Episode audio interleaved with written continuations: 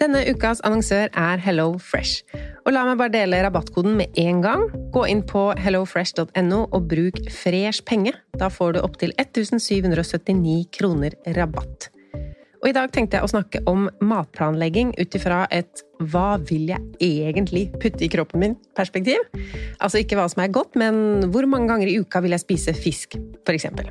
Og med Hello Fresh-appen så er dette så fint. Du velger bare ut fra en liste hvilke fem eller fire eller tre middager du vil spise uka etter. Og så kommer matkassa til deg på døra. Og du trenger ikke å tenke noe mer på hva du skal spise. Denne uka så blir det for meg to fiskeretter, to vegetarretter og en kyllingmiddag til guttene. Gå inn på hellofresh.no og se selv hva du kan velge mellom.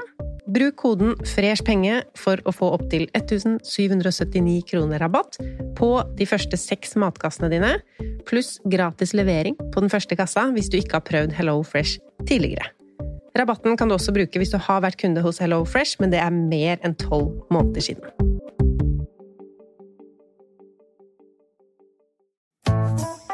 Har du et enkeltpersonforetak eller en liten bedrift?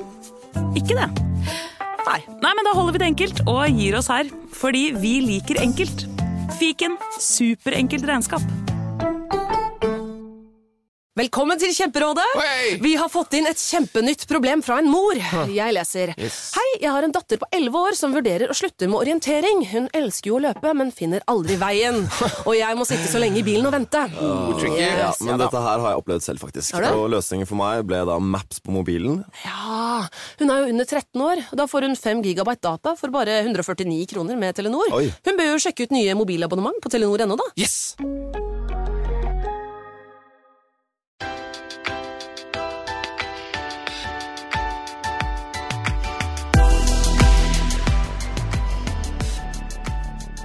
Velkommen til Pengesnakk podkast. Jeg heter Lise, og i dag har jeg besøk av Adele Røsnes for å snakke om lønn og karriere. Hun er jurist. Eller vil du kanskje fortelle om deg selv? Du sitter jo her. Hva, hvor bor du? Hva jobber du med? Har du hund eller seilbåt eller et eller annet som sier noe om hva du liker, annet enn å jobbe? For jeg veit jo at du som meg er veldig glad i jobben din. Jeg heter Adele Røsnes. Jeg, for et par år siden så flytta jeg tilbake så jeg, til der hvor jeg er fra. Jeg er fra Tjøme i Vestfold. Så jeg har ikke seilbåt, men jeg har faktisk hund. Eh, Så det er, det private anliggender. Eh, Jeg er jurist. Jeg er til og med advokatbevilgning, som jeg ikke bruker. Det var en tid, det òg. Og nå siden 2016 så har jeg jobba i statlig virksomhet. Og med lønn og lønnsdannelse. Så har jeg i den siste tiden også etablert en liten geskjeft på ski, hvor jeg holder på si. Ikke på ski, men på si. Hva gjør du der, da? Ja, nei, jeg er eh, coach og veileder kvinner spesielt, for det er jo de mitt hjerte brenner for, i karrierespørsmål. Du sa du jobber med lønnsdannelse. Hva betyr det ordet? Lønnsdannelse, det er på en måte et bredere begrep for altså, lønn. Altså hvordan øh, lønnsøkning skjer, da. Ikke sant? Det er jo mange forskjellige måter det kan skje på. Og mitt spesialfelt er jo statlig virksomhet. Eh, men man snakker også, hvis man bruker lønns, lønn i et vidt begrep, så er det da lønnsdannelse man snakker om innenfor en begrensa virksomhet, eller gitt virksomhet. Og du sa du er spesielt opptatt av kvinner. Hvorfor det? Jo, altså det eh, For en drøy uke siden, 16. november, så markerte vi jo i gåseøyne eh, likelønnsdagen. Eh, Det vil si at eh, fremdeles, da, etter så mange år med fokus og eh, forslag til gode tiltak, så tjener menn i gjennomsnitt 4,6% mer i timen enn det kvinner gjør. Ehm, og da tenker jeg at det er på tide at man legger ned en bredere lest da, for å komme i bunns til hvordan man kan jobbe med dette, for lønn er virkelig noe vi må snakke om. For at kvinner skal kunne ha bærekraftige karrierer, så må lønn på agendaen.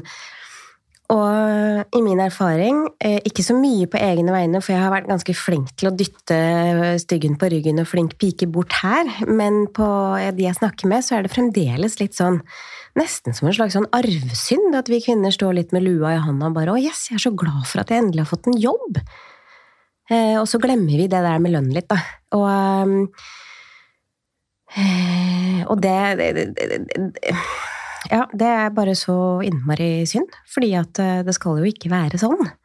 Eh, og så vet vi jo at det finnes jo mange ting som på en måte er eh, vi snakker om indre og ytre motivasjon, ikke sant? Og, og, det er jo ingen strid om at den er den indre motivasjonen som er viktig når man skal gjøre en jobb. Men eh, hvis man eh, behandler noen urettferdig lønnsmessig, så vil man lett komme i en situasjon hvor dette eh, også gjør noe med den indre motivasjonen, tenker jeg. For rettferdighet, det er en ganske viktig verdi for de aller fleste av oss. Så hvis man kommer i den sitsen og opplever dette, så, så er man ute og kjører, og da opplever jeg sånn at da mister man også den indre motivasjonen, da. Så ja. Hva er forskjellen på jobb og karriere? For du snakker liksom om kvinner og deres karriere. Mens de fleste jeg kjenner, de har en jobb. Ikke sant? Burde vi tenke mer karriere? Jeg definerer jo karriere som en utviklingsprosess som setter deg i stand til å ta kontroll over egen utvikling. Så eh, karriere er et bredere begrep enn jobb. Jobb er jo det du gjør. ikke sant? Du tar på deg skoa og klærne om morgenen, og så går du på kontoret eller der hvor du jobber, og så gjør du en jobb. Men kar karriere, det er jo mer, ikke sant? Det handler jo om Det er en, en, en komponent i yrkeslivet ditt, da. Sammen med medarbeiderskapet. Um, og um, som akkompagneres og ja, utfylles gjerne da, av dette rettighetsbegrepet. Så mm. karriere er en utviklingsprosess, og det er noe man må se i et langt løp. Jobb er veldig sånn oppi mitt hode når man sitter her og tegner en boks. Så er det noe som er, er begrensa i, i, tid og rom, da. Så hvis vi sier at kvinner må ta sin egen karriere mer på alvor, blir det riktig å si? Eller blir ja. det litt strengt mot kvinnene? Nei, altså jeg, jeg, tenker det. Og det er egentlig ikke noe Man trenger nødvendigvis ikke gjøre det strengt. Man trenger ikke gjøre det maskulint, hvis man er inne på det å skulle snakke om maskulin og feminin energi. Eh, man må ta sin egen karriere på alvor fordi at man må tørre å stå opp for seg selv, tenker jeg da. Og, og, det trenger ikke noe, være noe hardt og konfronterende i det. Det handler om på den ene siden å, å jobbe med selvfølelsen, og for, for, så igjen da, å kunne ha mot til å prissette seg selv riktig. For det er jo det det i stor grad handler om. Det er jo så banalt da, og så vanskelig på samme tid. At du skal gjøre en jobb. Kommer. 'Dette her er de tjenestene jeg tilbyr'. Ja, supert, sier arbeidsgiver eller den du har lyst til å jobbe hos. Potensiell arbeidsgiver. Dette er det vi ønsker å betale for dette. Og hvis det da ikke er noe som resonates, eller noe som, som, er, som, som du kan finne i, så er, jo, eh, så er man jo i en forhandlingsposisjon, da. Og det, det, må man i større grad ta tak i. Og jeg tenker at eh, kvinner også bør oppfordres til å tørre å stå opp for seg selv der hvor man merker at man er helt i utakt med arbeidsgiver. da. Mm. Så altså, vi har jo på den ene siden disse flinke pikene som ikke klarer å sette grenser for seg selv, som får mer og mer og mer å gjøre og gå på veggen og bli utbrente. Ja, for den eneste premien for å være flink på jobb, er at du får mer arbeid. kan mange føle. Det er jo litt Det er sånn, og spesielt eh, mellomlederrollen i staten, f.eks. Det, er en, det er en stor spagat å stå i, og har du to barn og eh, mann med karriere og hund og sant, så, så, så er det lett noe som går litt i ball. Men vi har jo også de som sitter på kontoret og jobber på samme arbeidssted i 20 år, og som egentlig ikke er så veldig fornøyd, og egentlig ikke føler seg sett og hørt. Og det er jo også eh, Hvorfor er de der, på en måte? Ikke sant? Det er jo også trist å tenke på. For de burde jo vært et helt annet sted eh, og hatt helt andre muligheter. Og hatt eh, ja, en leder og et eh, kollegium og en arbeidsplass som ga dem mer, da. Og hvor skal man begynne, da? Hvis man tenker nå ok, nå skal jeg ta arbeidslivet mer på alvor. Skal man begynne med seg selv, eller skal man begynne mer utad?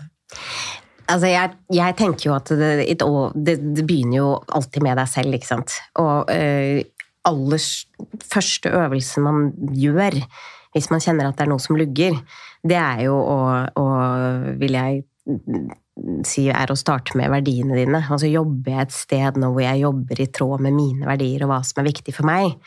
Og det er ikke noe egosentrisk og maskulint i det heller. Det er ikke noe spisse albuer her. Det er mer sånn er dette her noe jeg tenker at det er eh, regningssvarende å jobbe med i lengden?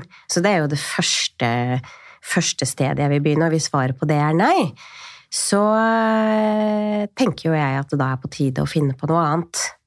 Og det høres også kanskje strengt ut å si, og, men forutsetningen her er jo selvfølgelig at eh, vi snakker til kvinner som kan det, da, for det det er nødvendigvis ikke så innmari enkelt å, hvis du bor på et lite sted, og finne akkurat det du jobber med nå et annet sted. Men i stort så får, får man jo alltid en jobb. Eh, selv om det nødvendigvis ikke er det du er ut, utdanna som. Men det er jo den indre motivasjonen igjen. ikke sant? Hvis det blir så utholdelig for deg å være på et sted, så, så står man jo alltid fritt. Det er en enorm eh, makt i det å kunne velge selv hvor man vil jobbe også. Men er det noe feil i, tenker du, å tenke at jobben er bare jobben? Jeg er her, jobber og tjener penger, og så har jeg all um, alt annet utafor. Altså alt som fyller opp sjelen min med det jeg trenger for livet. Må arbeidsplassen også være et sted for selvutvikling og vekst og glede? Jeg tenker nødvendigvis ikke at det trenger å være et sted for selvutvikling eh, og vekst, hvis du har det på alle andre områder og du tenker at eh, her er jeg for å tjene penger, sånn at jeg kan bruke all min, min tid og penger på noe som jeg virkelig elsker. Så tenker jeg at den, eh, det er noe som går helt fint opp innenfor dette livshjulet, da. Men vi bruker jo noe sånn som Det er i hvert fall en tredjedel av vår våkne tid på jobb, da. Ja, så du bør jo i hvert fall trives. Godt poeng, ja. Ikke sant? Det er gøy. Og ja, mm, det er viktig med trivsel. For hvis ikke så får du Det gir jo en slags sånn smitteeffekt resten av dette livshjulet, da. Og jeg er enig med det du sa, at eh, lønn er jo ikke alltid det viktigste, men begynner man å føle på en skeivhet, eller at man ikke får det man fortjener, så går jo det med lønn også utover trivselen. Mm. Men hvis vi skal snakke om lønn, hvem skal vi snakke med, hva skal vi si, hvorfor skal vi snakke om lønn, eller kanskje mer hvordan? Ja, um det er jo altså, eh, litt avhengig om du jobber i privat eller offentlig virksomhet. Så hvis vi begynner med den private først, så er det jo en forskjell der igjen da, på de private virksomhetene som har en tariffavtale. Eh, finans, for eksempel, er en tariffert eh, virksomhet eller et område. Betyr det da at det er faste lønnstrinn og krav for å for de som omfattes av tariffavtalen. Det er jo ikke alle i finans som gjør det. Jeg tror ikke aksjemeglerne i topp, topp, topp i DNB f.eks. gjør det, eller det vet jeg de ikke gjør, men for mange bankansatte gjør det. Og da vil en del av lønnsdannelsen da, skje ved at eh, organisasjonen, også med eh, Fagforbundet, Finansforbundet som det heter i finans, hvis vi bruker det som eksempel, og Finans Norge, de møtes, og så forhandler de fram et generelt tillegg da, som går til alle innenfor eh, tariffområdet. Eh, som vil typisk være en prosentandel av lønna. Um, og jeg syns det, tariffavtaleforhandlinger for så vidt, det kan vi komme til litt tilbake til, så syns jeg arbeidsgiver er ganske sånn beskjeden med å ta kreden for det. Det er jo alltid organisasjoner, eller veldig ofte, som kommuniserer at 'yes, nå har vi virkelig nå har vi skaffa sånn og sånn og sånn', men det er jo ikke som om arbeidsgiver kommer til bordet med to tomme hender og, og bare må gi. Mm. De, har som regel en formening med hvor de vil. Men tilbake til med, dette med lønnsdannelsen. Eh, da vil det være sånn at en viss prosentandel eh, gis som et generelt tillegg til alle som omfattes av tariffavtalen, og som er innenfor eh, lønnstrinn eller lønnsstigen eller lønnssystemet, eller hva man kaller det. Og så vil noe av lønnsdannelsen også fastsettes individuelt. Ja. Og det, det, kan variere litt, uh, avhengig av uh, hvor du er. Da er det gjerne sånn at du jeg, jeg, tror ikke så veldig mange arbeidsgivere at det er noe automatikk i det private at du tilbys en lønnssamtale. så det må man jo i så fall be om selv. Mm, men da, da, vil man da kunne ha individuelle forhandlinger uh, i løpet av, altså gjennom hele året, da. Og hvis man ikke ber om den samtalen selv, blir man ikke en del av vurderinga til leder, da? Jeg tenker jo at en årvåken leder gjør den vurderingen selv. Men eh, jeg vet at det nødvendigvis ikke er tilfellet bestandig. Så hvis man skal være på den sikre siden, så må man jo eh, ta den eh, Være litt fremme i skoa, da, og ta, den, ta, det initiativet selv. Og det må vi snakke litt mer om, for her er det første liksom, hinderet man møter på. tenker jeg, Nå skal jeg bli litt flinkere og snakke om dette med penger, lønn. Når skal jeg spørre? Hvem skal jeg spørre? Hvordan skal jeg spørre? man har jo hørt at på medarbeidersamtalen skal man ikke si noe om lønn. Mm. Det er jeg enig i. Ja. Medarbeidersamtalen er jo et litt annet forum, så der bør ikke lønn være, være mm, tema. Eh, Det er litt forskjell på offentlig og privat. I det offentlige så skal man tilbys lønnssamtale årlig, så der skjer det, bør det skje automatisk. Og der, hvis du har en, eh, eh, noen som har passa på lederen din der, og så er det også skjemaer for det, så der er det litt mer skjematisk. I det private så er det forskjellige, forskjellige måter å gå frem på der, men jeg ville jo i hvert fall begynt med nærmeste leder og si nå må vi ta en samtale om lønn. Um, og så er jo det verste man kan få nei, det, og det vil jo i og for seg føles som et avslag, det må jo være fullstendig åpne om, men da vet man i hvert fall hvor landet ligger, da.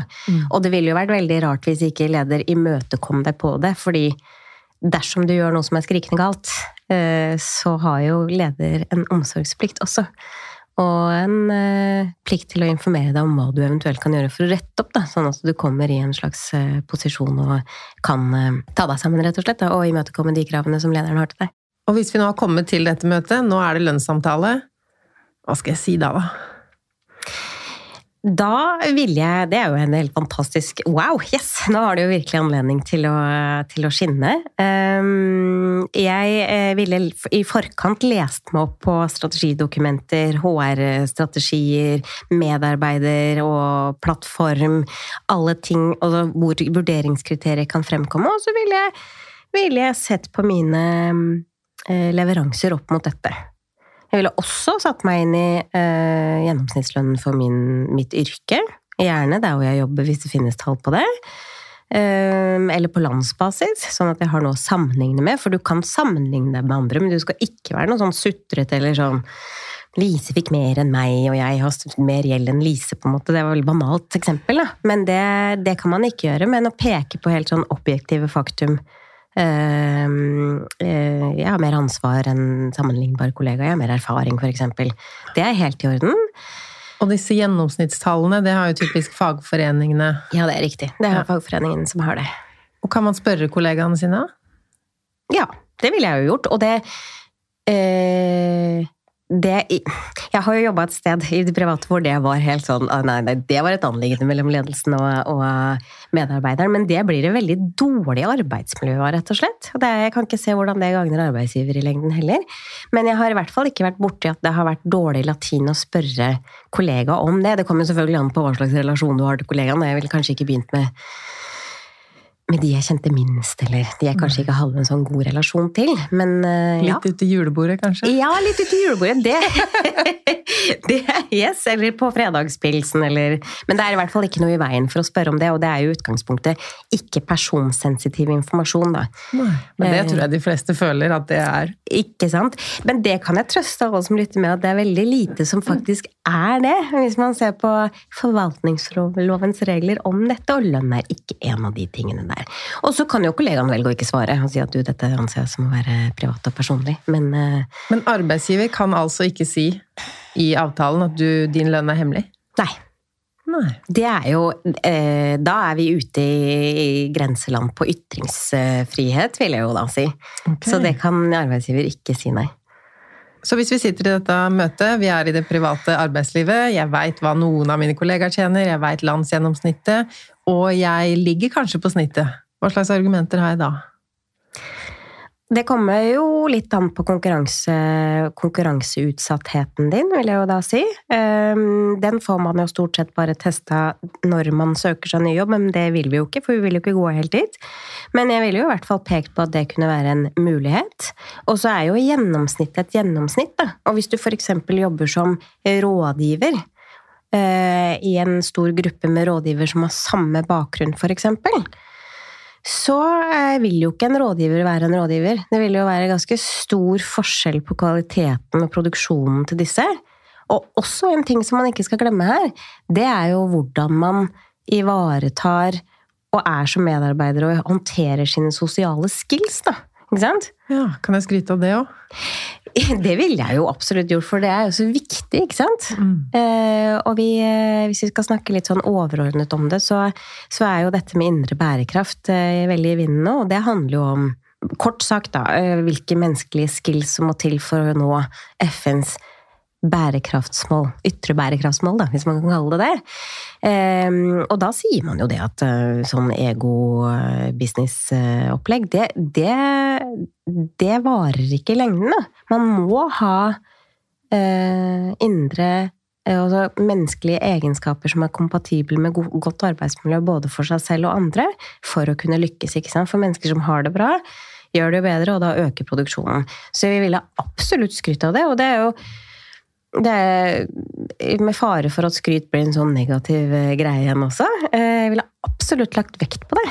Og, og, sagt se hva jeg gjør for hvor viktig jeg og mitt bidrag til eh, kollegiet er, og hva dette eventuelt måtte gjøre med produksjonen. Og det, det kan jo også være særdeles viktig for kvinner, ikke sant, som har Jeg tror en, en, helt vanlig, ordinær fordeling i de norske hjem, selv om vi er likestilte, er at det er kvinner som tar, stort sett tar ansvaret. Det er uh, henting i barnehagen, og det er middagslaging, og det er ditt og datt som gjør at man nødvendigvis ikke er så på ballen på, uh, på jobb i en periode. Så det er jo åpenbart at uh, en del av produksjonen Vi må ikke glemme de menneskelige egenskapene. Mm. Og er det noen sånn tid på året man skal ha denne lønnssamtalen? Eh, nei, ja, altså Jeg vil jo si medarbeidersamtalen har man jo gjerne, i hvert fall i offentlig virksomhet som jeg kjenner til. Den har man jo gjerne på høsten, altså senhøstes eller på begynnelsen av eh, året. Og så har vi da lønnssamtalene nærmere lønnsoppgjøret, som da pleier å gå opp stabelen på høsten igjen. Sånn at du får en medarbeidersamtale i et uh, halvår og en lønnssamtale i et annet halvår. Mm. Men der hvor du får en uh, Der hvor det oppstår noe akutt, da, f.eks. at du får et jobbtilbud eller du blir headhunta, så er det jo på tide å ta denne samtalen når det da oppstår. Ja, for det, da er det jo mer Ja. Ikke sant?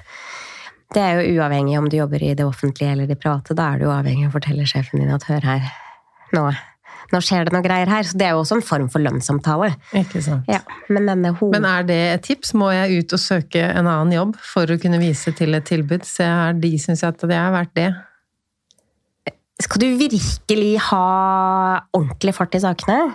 Sånn at det skal være øh, ja, nå blir jeg skyter meg ned, men nå skal jeg si noe som er litt kontroversielt.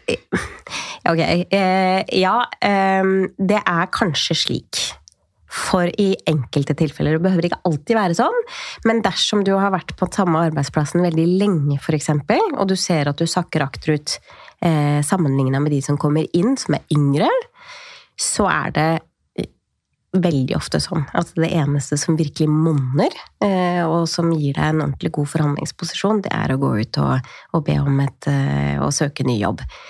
Men, det blir jo veldig konkret for arbeidsgiver òg. Ja. Skal vi eller skal vi ikke? De må ta et valg. Ikke sant? Eller så kan du også gjøre det som er vanlig også, tror jeg, eh, eller har jeg inntrykk av innenfor for det private, det er at typisk kommer en en ung medarbeider som ansettes i skyhøy lønn, og da går jo de som har vært her og føler på at søren heller, ikke sant. Dette her, det ble ikke helt greit. Hva med meg?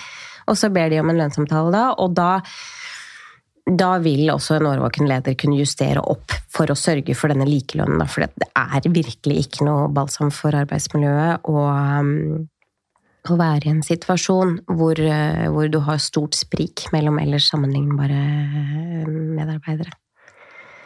Og hvis jeg er en leder som har ansvar for lønn, og så vil jeg gjøre noe med dette kvinne-mann, altså hvor mye kan jeg gjøre av individuelle ting, kjønnsting og diskriminering, og er det noen Hva slags regler må jeg forholde meg til som leder? Eh, det kommer også an på altså Vi har jo likelønns, altså likebehandlingsreglene eh, og diskrimineringsreglene. Det gjelder jo på tvers av sektorer og offentlige og private og tariffavtaler og sånn og slik. I det offentlige så skal man alltid se til det i årlige lønnsforhandlinger. Der har man jo sånn stort årlig lønnsoppgjør. Ja. Og selv om man kan se til det til øyet blir vått og stort og tørt og både denne og andre, det, det er svært sjelden man får gjort noe som virkelig monner der. Mm. Um, og i det private så uh, er det i hvert fall enklere å prøve å utjevne skjevheter, nettopp fordi at der har jo lederne større autonomitet selv. Uh, de kan jo beslutte mer uten å måtte forhandle med tillitsvalgte.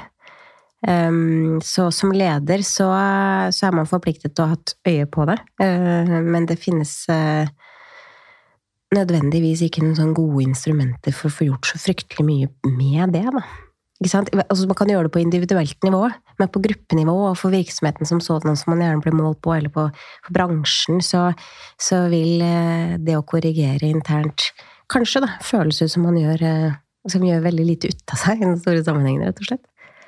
Så det du sier, at det her må hver kvinne nesten ta ansvar for selv? Ja. Jeg tenker det. At vi kan ta altså Selvfølgelig så er det, det er, På et strukturelt og politisk nivå så finnes det insentiver, og det finnes ordninger eh, som gjør at vi kommer i posisjon som gruppe. Men nå har vi jo, som jeg sa innledningsvis, holdt på med dette her siden kvinnene forlot kjøkkenbenken omtrent, ikke sant? Uten at det har blitt noe sånn skikkelig sus i sakene av det. Så da tenker jeg at det, vi må i hvert fall ha to, to tanker i hodet samtidig, da. Jobbe med det politisk og ha fokus på det, og ikke glemme det foregående generasjoner har gjort viktig likestillingsarbeid.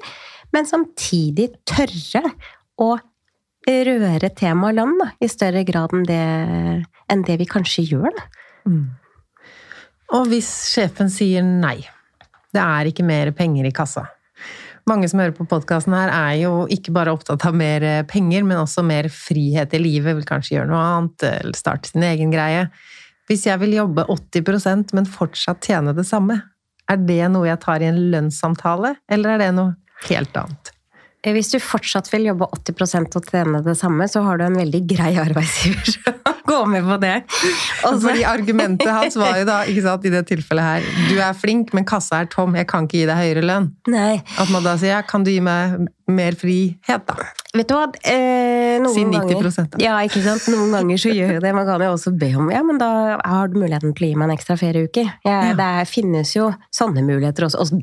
det, arbeidsgiver kan jo selvfølgelig gjøre det. Og det har jeg vært borti flere, ved flere anledninger, det. Eh, jeg syns jo i type tilfelle så var det ei dame som eh, jeg snakka med, som var ansatt til å gjøre altså Han fortid som hadde hatt den stillingen, han måtte rett og slett gå. Det var en mann. Han tjente 500 000 mer enn denne damen var tilbudt. Forhandla ikke så fryktelig mye på det, men hun ba om én ekstra ferieuke. og da tenker jeg Da var jo det viktig for henne, ikke sant? men det blir ei skikkelig dyr ferieuke. En halv million. En halv million, ikke sant. Så det kan man absolutt gjøre. Eh, og du kan jo be om også sånne type ting som kurs, videreutdanning, eh, avisabonnementer. Eh, det er kanskje ikke så aktuelt i dag, da var det da jeg begynte. Um, diverse ting som, som, ikke krever like mye som det f.eks. En, en lønnsøkning gjør. Da. Også tror jeg det er viktig å huske på også at eh, for at vi skal kunne ha et bærekraftig arbeidsliv, som vi snakka om i stad, så er det viktig å vite at en 100% for meg er ikke det samme nødvendigvis som en 100% for noen andre. Og det er ikke alltid min fulle arbeidskapasitet til og med tilsvarer min 100% Der skjønte jeg ikke hva du mener. Nei. Fortell. ikke sant? En 80% for deg kan jo være en 100% for meg. Fordi at din arbeidskapasitet er en annen.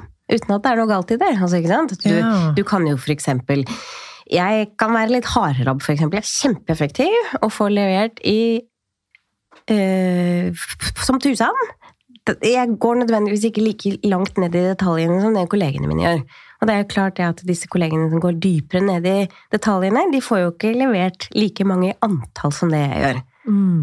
Så hvis du måles på antall, da, som er ganske dumt å gjøre, for så vidt. Men da, men da vil det jo se ut som den kollegaen som er veldig nøye og grundig og pliktskyldig.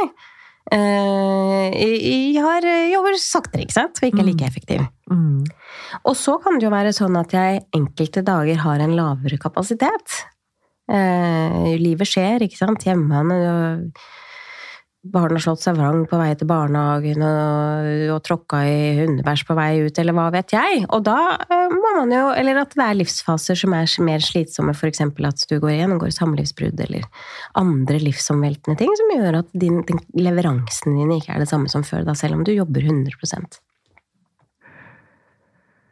Er det beste tidspunktet å diskutere lønn når man blir ansatt? Ja. Helt uten tvil. Det er viktig for så mange grunner. Det er viktig for eh, lønnsdannelsen videre der hvor du er, hos arbeidsgiver.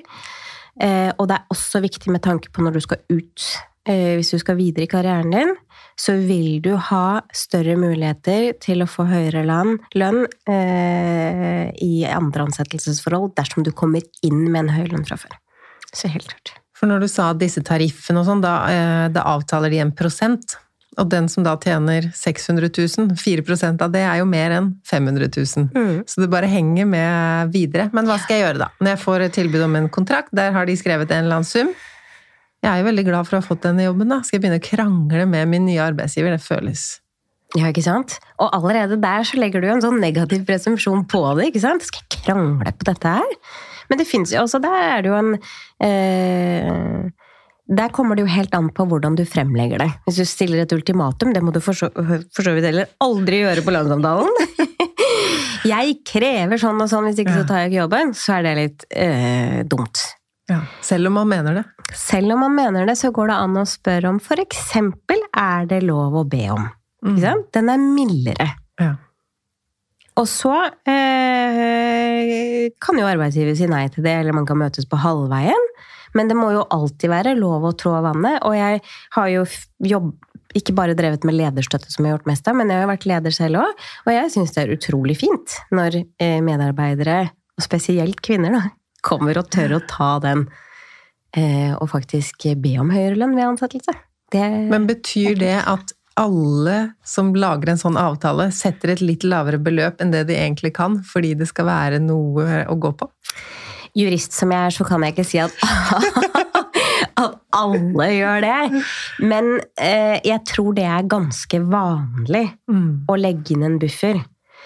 Eh, med mindre, for her er det også et unntak hvis du har søkt jobb på, på en stilling i det offentlige, og der oppgis jo lønnen, ikke sant? I Mm, utlysningsteksten. Mm, ja. Og der har de et tak, om ikke de har trinn, så har de i hvert fall et tak.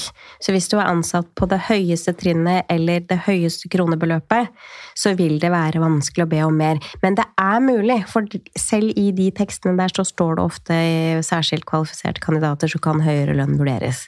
Så det vil være mulig der også. Men jeg tenker at vi absolutt skal spørre på en eh, grei og vennlig, ikke-konfronterende måte. Det er ikke å krangle. Og der kan vi jo ikke vise til noe enda som vi har gjort for bedriften. Så hva skal argumentene være da? Nei, altså Det kan jo være sånne type ting som f.eks. pensjon. Eh, hvis eh, du, du Nå vet vi jo, altså eh, den oppvoksende slekt og alle som er født etter 1964 får jo mindre pensjon enn det de som er født før gjør. Eh, det kan også være å vise til pensjonsordningen der du var, kontra der du eh, der, dit du skal. Hvis den er dårligere, så må du jo spare i, høyere grad sjøl. Det kan være å vise til konkurranseutsattheten. Um, og det er jo faktisk sånn at hvis man har lyst ut en, Det gjør man gjerne i det offentlige, da. Hvis man lyser ut innenfor et spenn, da. Så har jo arbeidsgiver måtte, må de også kunne ta risikoen og måtte ansette i høyere lønn. Så be om hva, hva er vurderingen som ligger til grunn for dette. Kan dere si noe om det, kanskje? Um, og når det kommer til det private, eller hvis du søker stilling der, så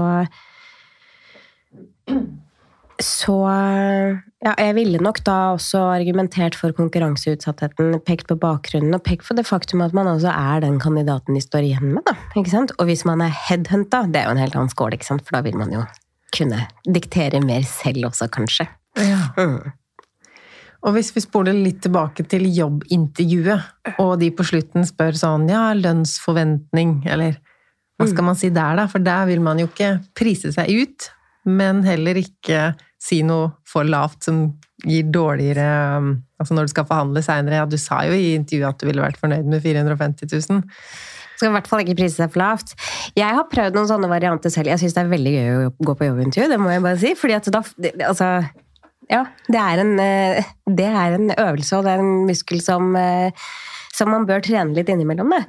Men jeg har prøvd noen sånne varianter som jeg forhandler ikke lønn over bordet, eh, men jeg kan imøtese gjerne tilbud. Det fungerer nok bedre der hvor det ikke er angitt lønn. Ja. Men der hvor det angis lønn, Det så hørtes veldig profesjonelt ut. Si det en gang Ja. til, så lytterne Ja. kan skrive det ned. Jeg tenker at vi ikke skal forhandle lønn over bordet her og nå, men jeg imøteser gjerne tilbud når det kommer, ikke sant? Ikke sant? Du vet kanskje, altså de som går på intervju vet jo litt om hvor lønnsnivået ligger i bransjen i hvert fall da. Mm. Um, så, eller opp, et oppfølgingsspørsmål kan jo da være hva er vanlig lønn for denne type stillingen i dette selskapet? Ja, for du syns ikke man burde si noe? Si noe om hva man har i dag, for eksempel? Jo, Kan man det er ikke ljuge noe- litt? Ja, det Ja. ja. ja. Det, altså, det er veldig vanlig å gjøre seg høy og mørk i, i en eh, jobbintervjusituasjon. Ja. Så eh, lyve Jeg skal ikke oppfordre lytterne til å lyve, kanskje, da, men, eh, men å si et cirka. Mm. Si, eller å kunne si 'jeg kan tenke meg sånn og sånn'. Det er helt innafor. Der hvor eh, lønn angis, så ville jeg i hvert fall sagt jeg kunne tenke meg sånn og slik. I det offentlige så er det jo et eh, hovedlønnsoppgjør. Er det min eneste sjanse til å få høyere lønn en gang i året? Nei, det er ikke det. Nei. Hva kan jeg gjøre? Det er spesialhjemmel, eller vi har hjemmel for lønnsdans på særskilt grunnlag. Eh, Dette er bestemmelser som gjerne omtales som 253-bestemmelsene. Der er det særlig andre ledd som er eh, den som er i bruk. Den går på dette med belønne og beholde. Så der hvor du eh, er i den sitsen som vi snakka om i stad, at du som leder ser at du ansetter en ny fremadstormende ung med mye høyere lønna enn de andre du har på avdelingen din, så kan du ta en sveip og justere på de andre på den bestemmelsen, sånn at det blir litt, eh, litt mer samsvar. Og det er gjerne den bestemmelsen som brukes der hvor man ønsker å beholde folk, også når man står i fare for å miste de til andre steder. Ja. Og så er det en annen bestemmelse som eh, sier at eh, arbeidsgiver skal vurdere eh, lønnen innen tolv måneder etter ansettelse. ja, så det første året I det første året de, Nei, de første tolv månedene. Og den er ganske sånn Den er streng. Det er en cutoff der på eh, Er man utenfor, så er man utenfor. Og det er en bestemmelse som Altså, i, i, i det offentlige så forhandles jo lønns lønnsdannelsen med de tillitsvalgte. Ja. Men akkurat den justeringsbestemmelsen som vi finner i 255, den kan arbeidsgiver beslutte, eller lederen som har den myndigheten. Så den går litt på utsida av forhandlingssporet som sådan. Og hvilke situasjoner kan det skje? Og er det arbeidsgiver eller arbeidstaker som tar initiativet til dette? Det er arbeidsgiver, og det skjer eh, enten at eh, man tar en samtale om det, eller at arbeidsgiver bare gjør det. Mm. Det er hvor du ser at vet du hva, her har jeg i hvert fall vært så heldig at jeg har fått mer enn det jeg har betalt for. Yes! Eh, her justerer vi litt. Så man kan ikke be om det. Se hvor flink jeg har vært de forrige elleve månedene. Man kan minne, selvfølgelig minne arbeidsgiveren på, eller lederen på det hvis du har en leder som ikke nødvendigvis er noe racer på lønn. Så er det absolutt lov å minne om 'se hvor flink jeg har vært'. Det vil jeg si. Men til syvende og sist så er det arbeidsgiver som bestemmer dette. Og leder, da, eller leder som har den myndigheten. Så det er ikke sånn du kan kreve. Det Nei. kan du ikke. Nei. Og hvis vi ser litt større på det, hele arbeidslivet Hvis jeg tenker nå skal jeg planlegge min karriere, min lønnsvekst, hva bør jeg tenke på? Mm, Liksom med tanke på å bytte jobber ofte, eller være på så og så ofte. Er det noe man bør Hvis vi zoomer litt ut, ikke midt i arbeidshverdagen, men å se på arbeidslivet som en helhet? Og se på det som en syklus, ja. Eh, ja, altså jeg, eh, jeg Jeg tenker at eh, vi er nok litt forbi eh, den æraen hvor man begynte på spikerfabrikken og ble på spikerfabrikken. Så vi bytter jo jobb oftere nå enn det vi gjorde tidligere. Ja. Og ikke da så er det- mange som har sånn 50 år på arbeidsplassen, klokke gull. Nei, ikke sant? Gullklokka er det ikke så mange som får nå. Så, så eh, du skal først og fremst gjøre det som gjør godt for deg. ikke sant? Og hvis det føles ålreit å være på den samme arbeidsplassen, enten det er kortere eller lengre tid, så er det det som er viktig. Hvis man ser det i lønnsperspektiv, eh, eller hvis man gjør det da, og er, velger å være et sted over lang tid, så må man være på ballen eh, og tenke på det, det med lønn. Og eh, skal man virkelig komme i posisjon, så er det faktisk sånn at da er det ofte ingen, ikke noe vei utenom å søke seg videre og søke seg bort. Um, og jeg ja, oppfordrer vel egentlig alle til å prøve noe annet og ikke forbli uh, over lengre tid på et sted. I hvert fall hvis ikke de har det noe bra, da. det, og ikke trives lenger, da også vi utvikler oss, organisasjonen vi jobber i utvikler seg, lederen vår kanskje byttes ut, ikke sant. Det kan være mange faktorer som gjør at det er på tide å, å finne på noe annet. Men kan man bytte jobb for ofte? Sånn at det ser dårlig ut på jobbintervju? Så lenge man har en plausibel forklaring på det, så tenker jeg at det er helt greit. Ja. Og så, så, og, men også må man jo være forberedt på å få det spørsmålet. Ja, hva, hva, er det for noe som gjør at du bytter opp jobb så ofte? Og svaret på det kan jo like, kunne jo en tenkt som det jo like gjerne vært Nei, vet du hva, jeg har en mesjakke med leder. Det funka ikke. ja. Ikke? Og det ville du sagt på intervju? Eh, Jeg ville hatt, ikke nødvendigvis sagt det så direkte, kanskje, men dersom det har vært en konflikt på tidligere arbeidsplass, så ville jeg sagt noe om det. Og hvis det har vært konflikt med tidligere leder, absolutt, fordi at eh, Norge er liten, lite, verden er liten. Mm. Eh, og det vi leder og de som sitter i jobbintervju på jakt, er på jakt etter, er jo hvordan du reflekterer rundt dette, ikke sant. For de aller fleste, heldigvis, er klar over at det må jo to til for å danse, og det kan jo hende at lederen altså At det ikke har vært noe kjemi der, at det har gått Mm. helt gærent, og det er, det jo, det er man jo gjerne to om. Mm. Du sa at du elsker å gå på jobbintervju, så nå avslutningsvis har jeg lyst til å få noen jobbintervjutips til de som tenker nei, søren, jeg skal ikke be om ny lønn på arbeidsplassen, nå skal jeg finne meg noe helt eh, nytt og begynne å søke jobber. Hvis man da kommer seg til jobbintervju, eller har du først noen triks for å komme seg til jobbintervju? Er det noe helt unikt man kan si i søknaden som gjør at man blir invitert? Jeg har lest ganske mange rare søknader, og jeg har også eksperimentert med å skrive søknader selv. Det er veldig morsomt. Eh, Jeg ville eh, i en søknad Jeg ville lagt god vekt på CV-en, og så ville jeg brukt søknads, eh, altså søknadsteksten, gjøre den så kort og konsis. Ja. Nå er ikke jeg noe headhunter, da, men, eh, og jeg har ikke jobbet i rekrutteringsbransjen, men de som gjør det, sier jo gjerne at det er jo aldri søknadsbrevet som sådan som avgjør, det er det CV-en som gjør. Så Ja, kan så CV-en er det viktigste. CV-en er det viktigste.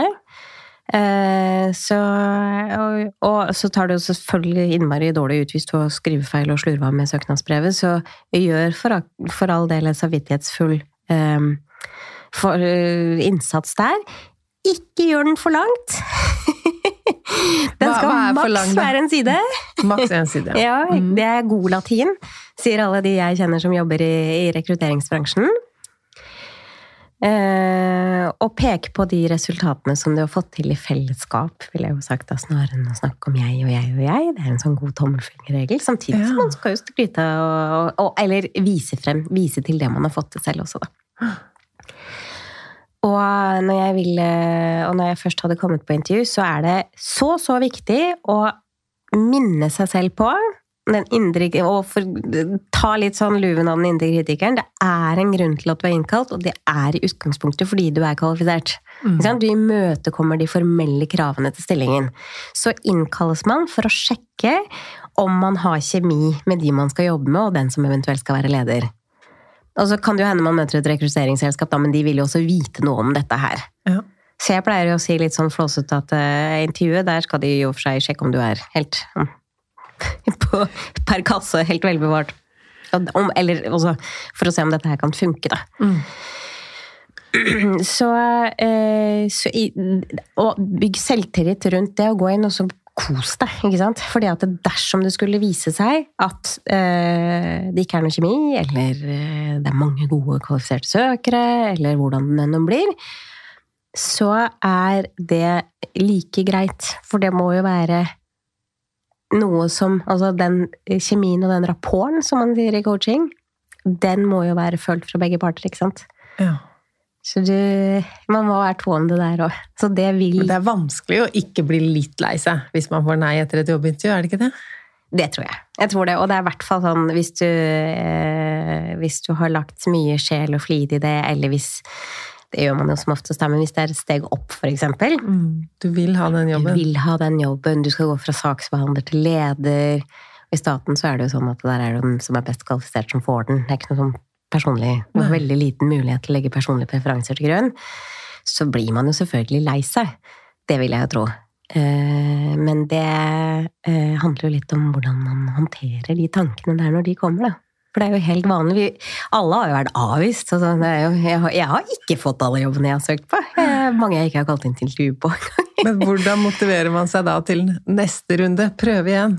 Ja, eh, det handler om det, altså den mentale biten, tenker Ja. jeg da. Nettopp på det, å ikke å kunne fristille seg litt for hva det er. Eh, Og så er det enklere sagt enn gjort, for det kommer jo sikkert an på hvor du er hen i, i løpet. ikke sant? Har du vært eh, arbeidsledig over lengre tid, du står i en situasjon hvor du må ha en ny jobb, så er det jo noe helt annet enn hvis du går på jobbintervju fordi du er litt misfornøyd med lønna der du er. på en måte. Så ja. Og hvis poenget med intervjuet er å vise at vi har kjemi, hvordan kan jeg skape kjemi? Jeg vil jo ikke virke tullete heller for å få god stemning. Skjønner du meg jeg? Vil jo være profesjonell og ordentlig. Jeg vil ikke snakke om der at jeg er den gøyeste på sommerfesten. Nei, men det, det, det, det skjønner jeg veldig godt, og det er jo helt opp i dagen at du vil ønske å fremstå som profesjonell, men du skal jo også la den delen av personligheten som er deg, eh, skinne litt igjennom. Da. Du trenger kanskje ikke fortelle om det villeste eh, sommerfesten du var hvor du dansa på bordet med slipset rundt hodet eller skjørtet på rundt eh, høyt opp på livet, men men jeg, kjemi er jo Det går jo begge veier. Det er jo ikke noe man kan nødvendigvis skape som sådan. Nei. Men innenfor coachingen igjen og det der med rapport, da, som jeg snakket, snakket om i stad, så er det jo det der med å speile hverandres kroppsspråk, for eksempel. Altså, se litt på sjargongen, hvordan den er. Ja. Eh. Eh, speile hverandres stemmebruk. Det er jo sånn vi mennesker på et sånt veldig basic biologisk nivå skaper connection mellom oss, da. Og når de spør på slutten av intervjuet har du noen spørsmål, Og så har man jo snakka om dette her hele tida, så man har kanskje brukt opp spørsmåla, men så virker det så tafatt å si nei. Har du noen tips til hva man kan spørre om når man egentlig ikke lurer på noe? Og vi har vel alle vært der hvor vi tenkte å, nå skulle jeg vært kjempesmart og sagt noe som gjør at de virkelig husker meg. Men har man ikke det, så er det eh, litt tullete å skulle stille spørsmål også. Så eh, da tenker jeg at det kan være fornuftig å si ikke akkurat nå, for nå er jeg litt eh, kokt i hodet eller eh, sliten. Eh, og jeg føler at vi på nåværende tidspunkt har snakket om det meste. Men dersom jeg kommer på noe, så vil jeg veldig gjerne få lov å ringe eller sende en e-post og spørre. Ja, bra. Takk skal du ha. Nå tenker jeg alle er gira på å gjøre noe med lønna si og arbeidssituasjonen sin, og Ja, se på okay. dette. Er denne karrieren det på riktig vei? Og hvis man vil høre mer fra deg, hva kan man Du har i hvert fall en Instagram eh, Ja, dere finner meg på Instagram. Det er Adele Rosnes. Dobbel S. Eh, og så har jeg en hjemmeside som er adelerosnes.no. Eh, Og det er der du har coachingen og Mm. disse tingene? Det er der man kan booke inn én-til-én-samtaler. Foreløpig er det. Og så på sikt så tenker jeg at vi, dere kan forvente å høre mer av meg fra andre plattformer også. Spennende. Tusen takk for besøket og all kunnskapen du delte. Takk for at jeg fikk lov å komme.